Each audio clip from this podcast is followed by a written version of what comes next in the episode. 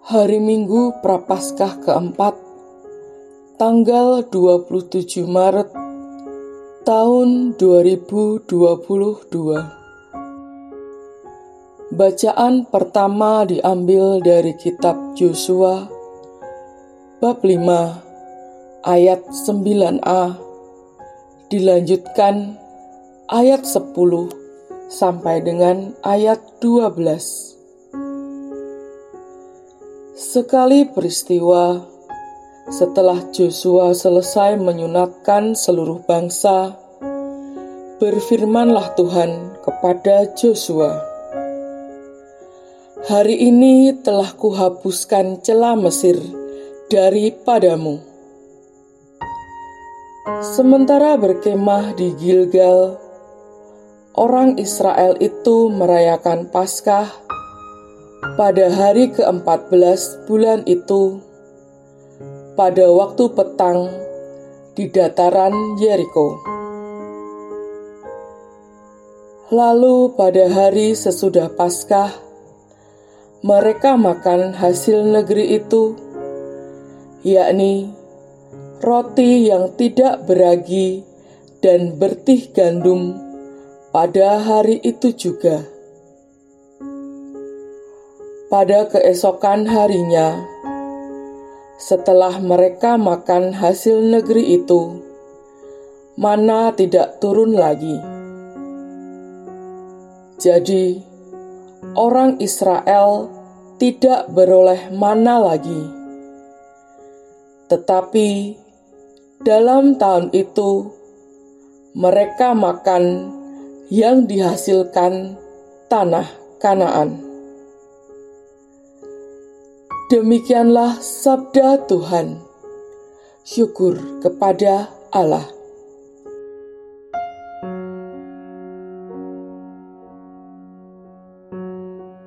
Bacaan kedua diambil dari surat kedua Rasul Paulus kepada jemaat di Korintus bab 5 ayat 17 sampai dengan ayat 21. Saudara-saudara, barang siapa ada di dalam Kristus, ia adalah ciptaan baru. Yang lama telah berlalu, dan sungguh yang baru sudah datang. Semuanya ini datang dari Allah yang telah mendamaikan kita dengan dirinya dengan perantaraan Kristus dan yang telah mempercayakan pelayanan pendamaian itu kepada kami.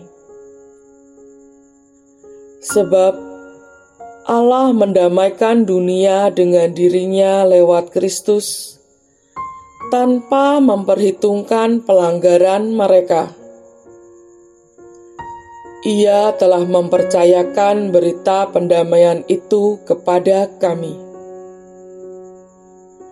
Jadi, kami ini utusan Kristus, seakan-akan Allah menasehati kamu dengan perantaraan kami. Dalam nama Kristus, kami meminta kepadamu berilah dirimu ini didamaikan dengan Allah.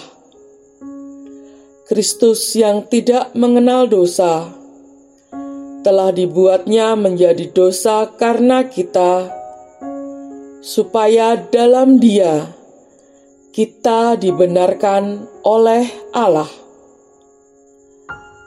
Demikianlah sabda Tuhan. Syukur kepada Allah.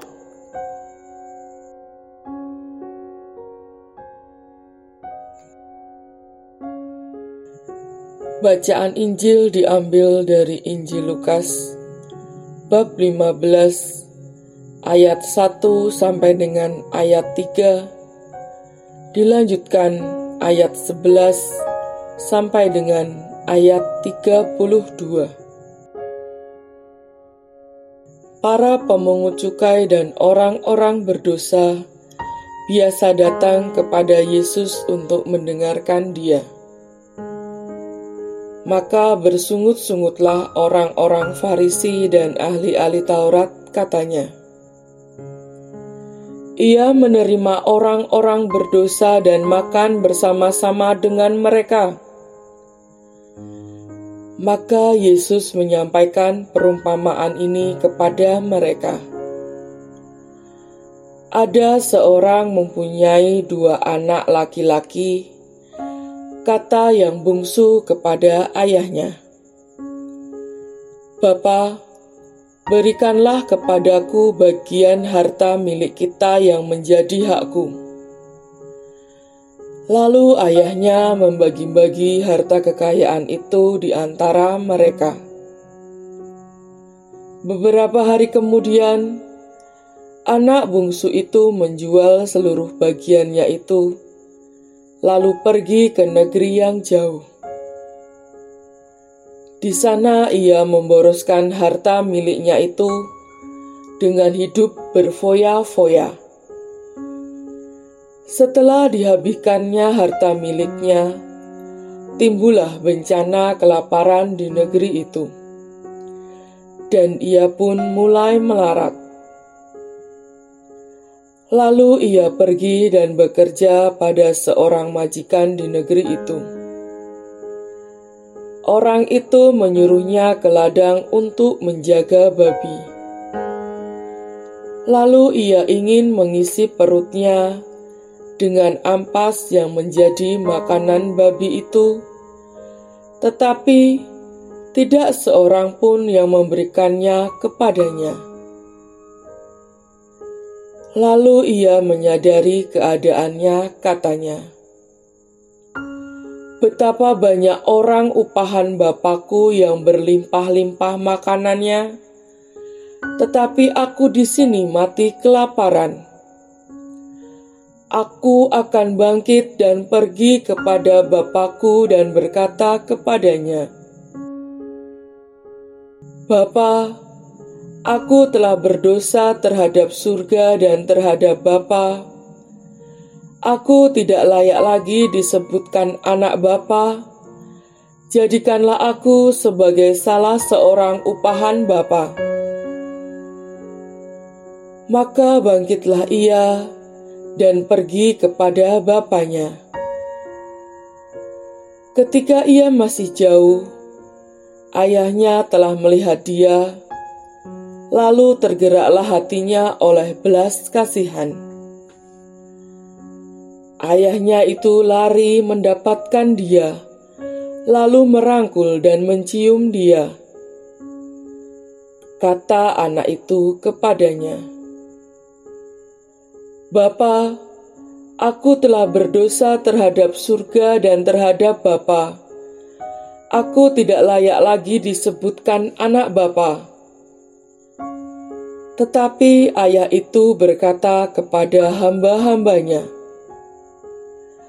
"Lekaslah, bawa kemari jubah yang terbaik, kenakanlah kepadanya, pasangkanlah cincin pada jarinya, dan sepatu pada kakinya, dan ambillah anak lembut tambun itu, sembelihlah dia." Dan marilah kita makan dan bersuka cita. Sebab anakku telah mati dan menjadi hidup kembali. Ia telah hilang dan didapat kembali. Maka mulailah mereka bersukaria. Tetapi anaknya yang sulung sedang berada di ladang Ketika pulang dan dekat ke rumah, ia mendengar bunyi seruling dan nyanyi tari-tarian. Lalu ia memanggil salah seorang hamba dan bertanya kepadanya, "Apa artinya itu semua?" Jawab hamba itu, "Adikmu telah kembali." Dan ayahmu telah menyembelih anak lembu tambun, karena ia mendapatkan kembali anaknya itu dengan selamat. Maka marahlah anak sulung itu, dan ia tidak mau masuk. Lalu ayahnya keluar dan berbicara dengan dia. Tetapi ia menjawab ayahnya, katanya, "Telah bertahun-tahun aku melayani Bapa, dan belum pernah aku melanggar perintah Bapa. Tetapi kepadaku belum pernah Bapa memberikan seekor anak kambing pun untuk bersuka cita dengan sahabat-sahabatku." Tetapi baru saja anak bapa yang telah memboroskan harta kekayaan bapa bersama dengan pelacur-pelacur, maka bapa menyembeli anak tambun itu untuk dia. Kata ayahnya kepadanya, "Anakku, engkau selalu bersama-sama dengan aku, dan segala kepunyaanku." Adalah kepunyaanmu.